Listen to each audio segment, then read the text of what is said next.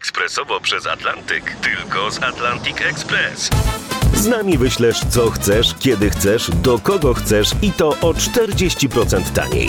W Atlantic Express wysyłamy wszystko, co chcesz. 1 800 775 7363. Mienie przesiedleńcze, kontenery, paczki do Europy. Atlantic Express to 30 lat doświadczenia i o 40% niższe ceny na wysyłki kontenerów, samochodów i paczek. Ekspresowo przez Atlantyk tylko z Atlantic Express.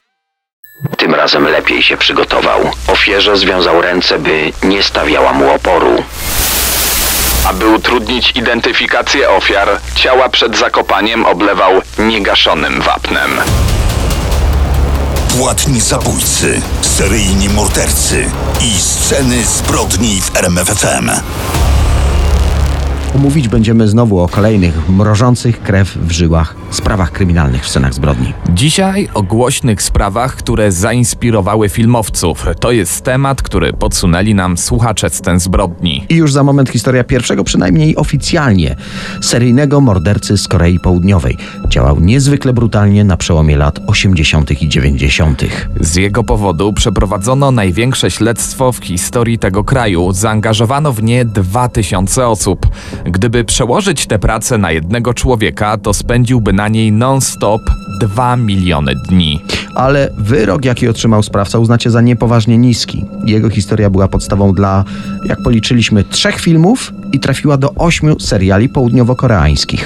Na wasze życzenie wrócimy też do historii Christine Collins, niestrudzonej matki, która przez 36 lat poszukiwała swojego zaginionego syna. Jej walka o dziecko została zekranizowana w znakomitym filmie Clint'a Eastwooda. Sprawy mroczne i tajemnicze.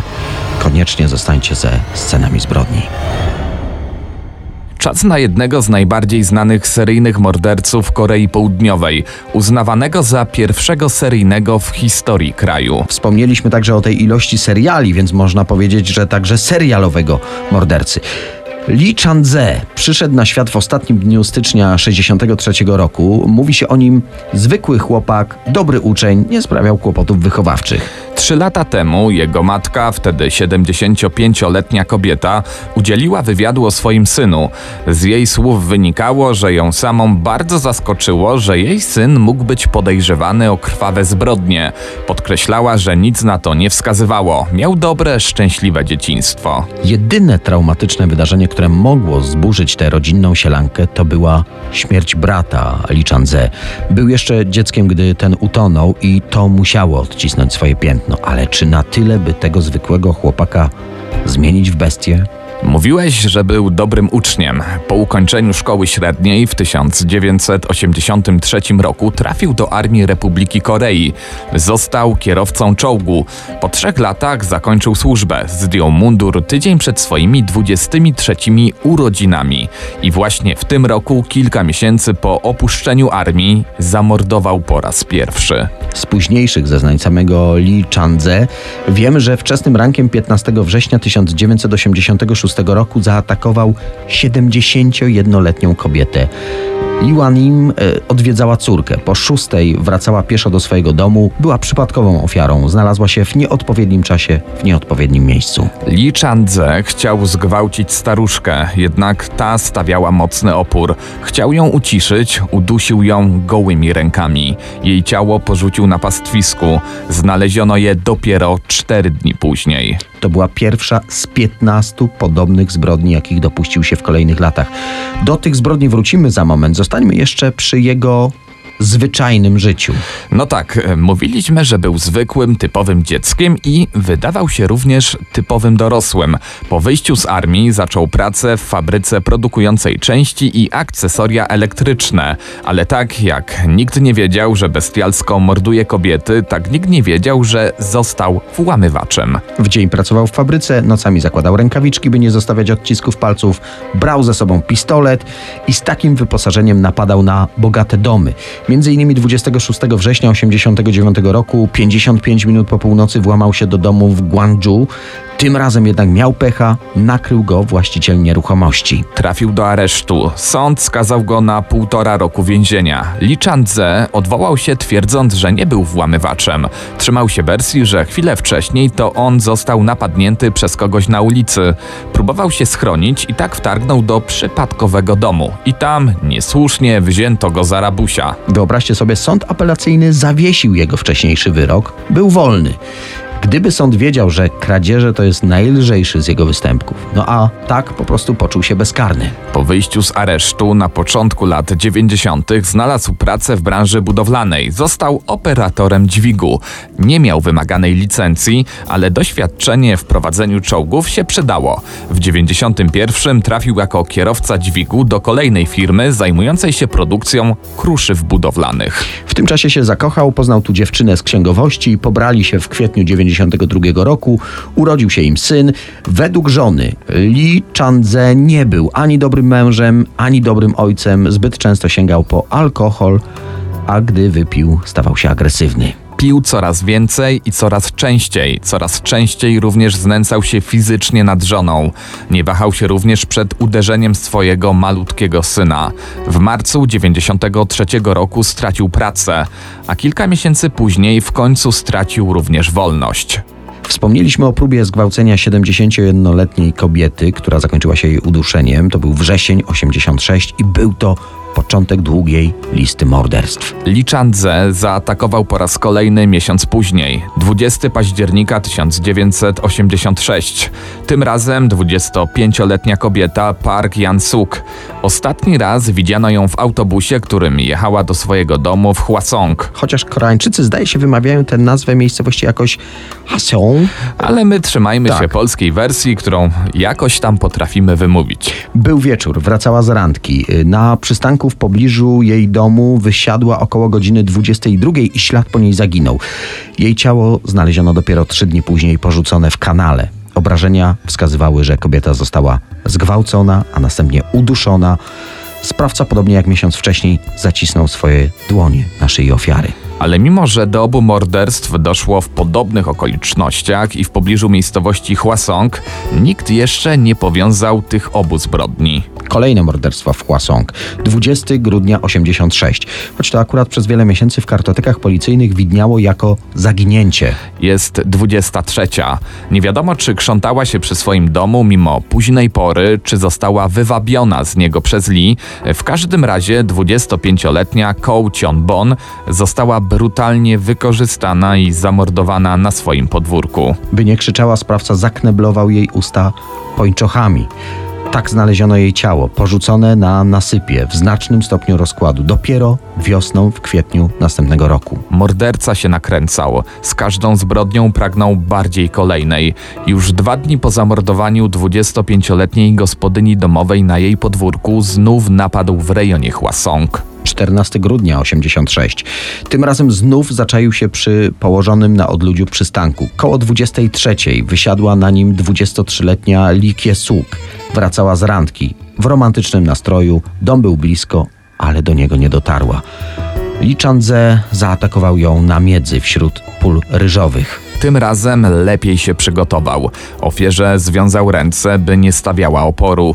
Na oczy nałożył jej przepaskę, by go nie rozpoznała, a potem wykorzystał seksualnie i udusił. 10 stycznia w rejonie Hwasong ginie kolejna młoda kobieta. Tym razem 19-letnia Hong Ji i znów na polu ryżowym. Związane ręce, zakneblowana skarpetami, ślady brutalnego gwałtu i podobnie jak wcześniejsze ofiary zginęła w wyniku uduszenia. Pięć zabójstw na tle seksualnym w ciągu czterech miesięcy na obszarze pięciu kilometrów od miejscowości Hwasong. Policja już wiedziała, że ma do czynienia z seryjnym mordercą. Wydano ostrzeżenia, kobiety obawiały się chodzić same nocami. Prasa nazywała go mordercą z Hwasong albo koreańskim zodiakiem. Być może to wszystko sprawiało, że Lee Chandze postanowił się powstrzymać od kolejnych napaści seksualnych. Jednak 2 maja 87 znów zaczaił się na młodą kobietę. 29-letnia Park En-jo wyszła z domu, by zanieść mężowi parasol. Tydzień później na pobliskim wzgórzu znaleziono jej uduszone zwłoki. 7 września 87. Tym razem 54-letnia Angie Sun ostatni raz widziana, gdy wysiadła na przystanku autobusowym. Jej ciało wyłowiono następnego dnia z kanału. Związane ręce, w ustach skarpetki i chusteczka. W ciągu roku siedem ofiar to samo modus operandi i po tej zbrodni nagle wszystko ustało. Co prawda rok później w okolicy doszło do kolejnej przerażającej zbrodni, która wstrząsnęła tą miejscowością, jednak sposób działania był inny. Sprawca wszedł do domu swojej ofiary, zaatakował ją, gdy spała, w jej własnej sypialni. Dziewczyna miała tylko 14 lat, była uczennicą miejscowego gimnazjum. No właśnie, nieletnia ofiara, inny sposób działania, w tej sprawie udało się zatrzymać podejrzanego. Aresztowano 22-letniego Yun Song-yo. Dowody nie były mocne, ale chłopak usłyszał wyrok i spędził w więzieniu 19,5 roku, po czym okazało się, że był niewinny. Tak, sąd uniewinnił go w grudniu 2020 roku, świeża sprawa. Wtedy już wiedziano, że za zabójstwo dziewczynki odpowiada ktoś inny, że to było ósme morderstwo dokonane przez seryjnego mordercę, który dwa lata później zamordował kolejną czternastolatkę, a później kolejną kobietę i kolejną w sumie 15 morderstw. Przypomnijmy, jego pięć pierwszych morderstw wydarzyło się w promieniu 5 kilometrów wokół Hwasong. Ruszyło więc największe śledztwo w historii Korei. W całym Hwasong wprowadzono rekordową liczbę patroli policyjnych. Funkcjonariusze chodzili dwójkami, byli widywani niemal na każdym rogu. Dosłownie, zalecenia szefów były czytelne i jasne. Patrol miał stać co 100 metrów. To skłoniło zabójcę do zrobienia sobie przerwy, a gdy pokusa mordowania okazała się dla niego nie do okiełznania, postanowił mordować nadal, ale tam, gdzie nie było tylu patroli. Muszę tutaj wtrącić, że po Hwasong krążyła plotka, że tajemniczy seryjny zabójca morduje głównie kobiety, które w deszczowe dni chodzą w czerwonych płaszczach lub mają na sobie czerwone sukienki albo kurtki. Część policjantek, by skusić, sprowokować mordercę właśnie w takich ubraniach, spacerowała w deszczu. Mówi się, że w sprawę było zaangażowanych przez te wszystkie lata ponad 2000 policjantów. W sumie e, tak jakby śledczy pracowali 2 miliony dni. Rekordowa była również liczba podejrzanych. W sumie 21 280 osób. Policjanci koreańscy byli wręcz zdesperowani w chęci wykrycia sprawcy. Wobec podejrzanych bywali niezwykle brutalni. Późniejsze raporty sugerują, że co najmniej cztery osoby z tego grona podejrzanych nie wytrzymały presji i odebrały sobie życie. Odciski palców pobrano od 40 116 osób. Zbadano 180 próbek włosów zabezpieczonych na miejscu zbrodni. Zbadano 570 próbek DNA. Wszystko na nic. Przełom nastąpił 13 stycznia 1994 roku. Mówiliśmy, że w małżeństwie Lee Chandze nie układało się. Mąż pił, bił żonę, dziecko. W końcu pani Lee odważyła się wystąpić o rozwód. Odeszła od męża w grudniu 93. A już w styczniu 94 Lee Chandze zaprasza do siebie siostrę żony. Dziewczyna ma jedynie 18 lat. Spodziewa się prawdopodobnie, że może szwagier chce porozmawiać o problemach małżeńskich, może będzie mogła pomóc radą. To miały być zwykłe odwiedziny, ale nagle szwagier zmienia się w bestię, obezwładnia dziewczynę, brutalnie wykorzystuje ją seksualnie, a w końcu zabija. Gdy teść zgłasza zaginięcie swojej młodszej córki, Lee, w końcu to rodzina, odwiedza go i oferuje pomoc w poszukiwaniach. Gdy te nie przynoszą skutku, podsuwa teściowi myśl, że dziewczyna mogła zostać uprowadzona. Śledczy początkowo biorą to pod uwagę, ale po pięciu dniach analizowane tropy wskazują, że sprawcą może być jednak szwagier dziewczyny Lee Chandze. Mężczyzna zostaje aresztowany 18 stycznia. Policja ma słabe dowody, więc funkcjonariusze w czasie kolejnych przesłuchań dokładają wszelkich starań, by aresztowany się przyznał. I rzeczywiście Lee w końcu przyznaje, że osiemnastolatkę zamordował. Przed sądem jednak cofa swoje zeznania, a sąd uznaje, że zostały one uzyskane przez policjantów dzięki stosowaniu przez nich przemocy. Nie mają siły dowodowej. A jednak po skomplikowanym procesie w maju 94 roku Lee Chandze usłyszał wyrok skazujący. Kara jest najsurowsza z możliwych śmierć za śmierć. Sąd wyższej instancji we wrześniu podtrzymał karę śmierci. Apelacja trafiła do Sądu Najwyższego Korei i ten niespodziewanie złagodził wyrok. Zamiast celi śmierci dożywocie z możliwością warunkowego zwolnienia po 20 latach. Jednak do zwolnienia nie doszło i najprawdopodobniej nigdy nie dojdzie. Podkreślamy, że Lee odsiadywał wyrok za morderstwo szwagierki, do którego się zresztą nie przyznawał. Nikt nie wiązał go z wcześniejszymi seryjnymi morderstwami. Gdy badania DNA stały się doskonalsze, we wrześniu 2019 roku ogłoszono, że ponad wszelką wątpliwość próbki materiału genetycznego zabezpieczone na ciele jednej z ofiar wskazały, że jej zabójca siedzi już w więzieniu i że jest to właśnie Lee Chan-ze. Wobec takich dowodów Lee po wielu przesłuchaniach przyznał się do dokonania 10 morderstw wiązanych do tej pory z tajemniczym seryjnym mordercą. Mało tego, przyznał się jeszcze do czterech zabójstw, z którymi go nie wiązano, w tym morderstwo ośmioletniego dziecka, którego ciała nigdy nie odnaleziono. Opowiedział również o około 30 innych przestępstwach seksualnych, głównie gwałtach. Kraj był w szoku. I choć te wszystkie zbrodnie się przeterminowały w czasie, gdy Lee był w więzieniu, już nikt nie ma wątpliwości, że sprawca nie zostanie wypuszczony warunkowo. Zresztą sam Lee przyznał, że o takie zwolnienie warunkowe nie zamierza wystąpić. Boi się wyjść na wolność. Boi się, jak to określił, publicznego potępienia. To są sceny zbrodni w RMFFM. Śledź z nami kulisy największych przestępstw. Tu sceny zbrodni, zbrodnia i film. W dzisiejszym programie, tak jak zapowiadaliśmy, zajmujemy się sprawami kryminalnymi, na podstawie których powstawały właśnie głośne filmy albo seriale. Czas na produkcję z 2008 roku pod tytułem Oszukana. Dramat w reżyserii Clint'a Eastwooda z trzema nominacjami do Oscara. W rolę główną matki poszukującej swojego syna wcieliła się zjawiskowa Angelina Jolie. Tragedia zdesperowanego rodzica walczącego z nieudolnym systemem przemawia do widza jeszcze bardziej, gdy dowiaduje się, że ta historia wydarzyła się naprawdę. W scenach zbrodni, jak zawsze, skupiamy się wyłącznie na faktach, więc przenosimy się do Los Angeles. Jest 10 marca 1928 roku. Christine Collins, samotna matka z zawodu operatorka telefoniczna, jak zwykle wychodzi do pracy. Jej dziewięcioletni syn Walter musi zostać sam w domu. Dzieckiem nie ma się kto zająć. Jego ojciec za rozbój wylądował w więzieniu. Dziecko wyprosiło jeszcze od swojej mamy 10 centów na bilet do kina. Walter Collins był widziany na rogu Pasadena Avenue i North Avenue około godziny 17.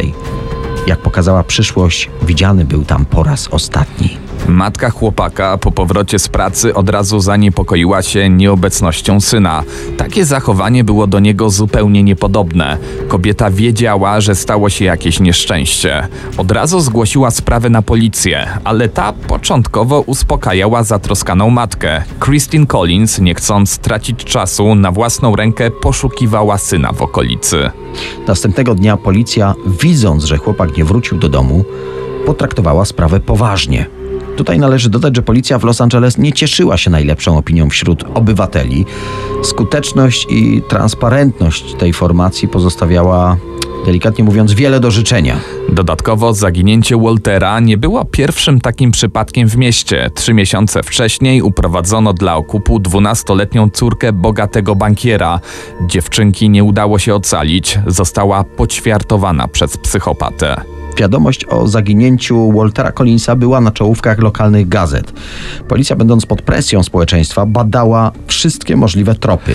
A było ich kilka. Sąsiadka rodziny zaginionego twierdziła, że widziała dziewięciolatka w samochodzie z jakąś parą obcokrajowców. Chłopak był przerażony i błagał o pomoc. Gdy informacja o zniknięciu dziecka z Los Angeles pojawiła się w ogólnokrajowych mediach, poszlak było jeszcze więcej. Walter był widziany w różnych zakątkach stanu Kalifornia. Na stacji benzynowej w mieście Glendale ktoś dostrzegł chłopaka w samochodzie. Podobno leżał owinięty w gazetę na tylnym siedzeniu.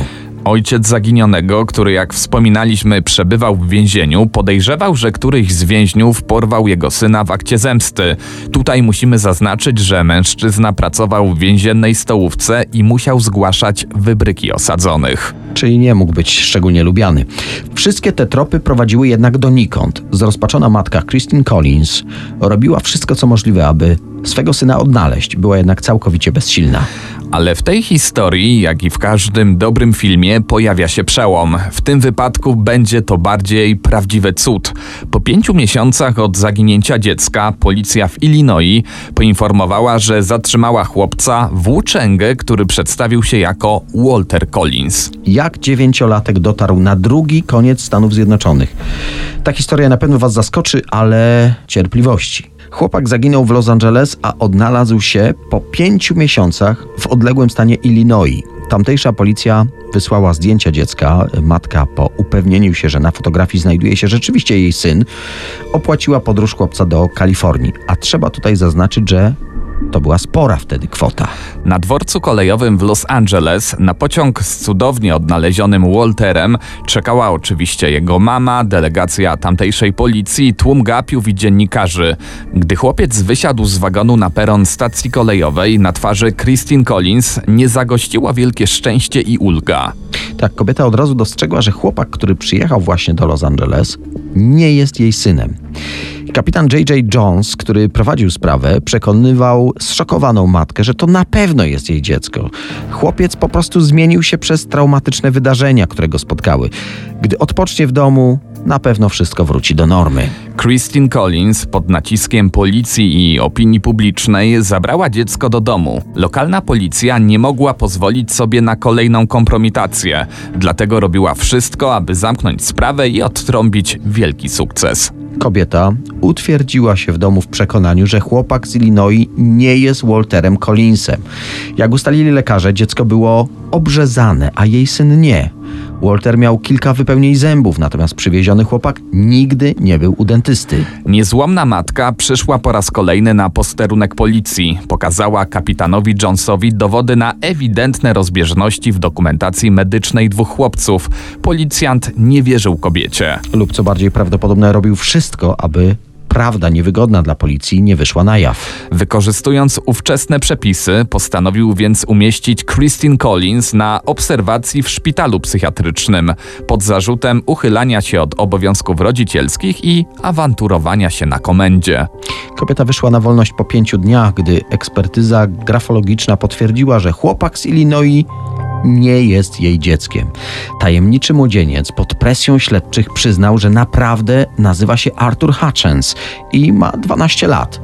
Uciekł z domu ze względu na konflikt ze swoją macochą. Postanowił podać się za Waltera Collinsa po tym, jak usłyszał od kogoś, że jest bardzo do zaginionego chłopca podobny. Pomysłowe dziecko postanowiło więc wykorzystać całą tę sytuację, aby dostać się do Los Angeles, a konkretnie do słynnej dzielnicy Hollywood.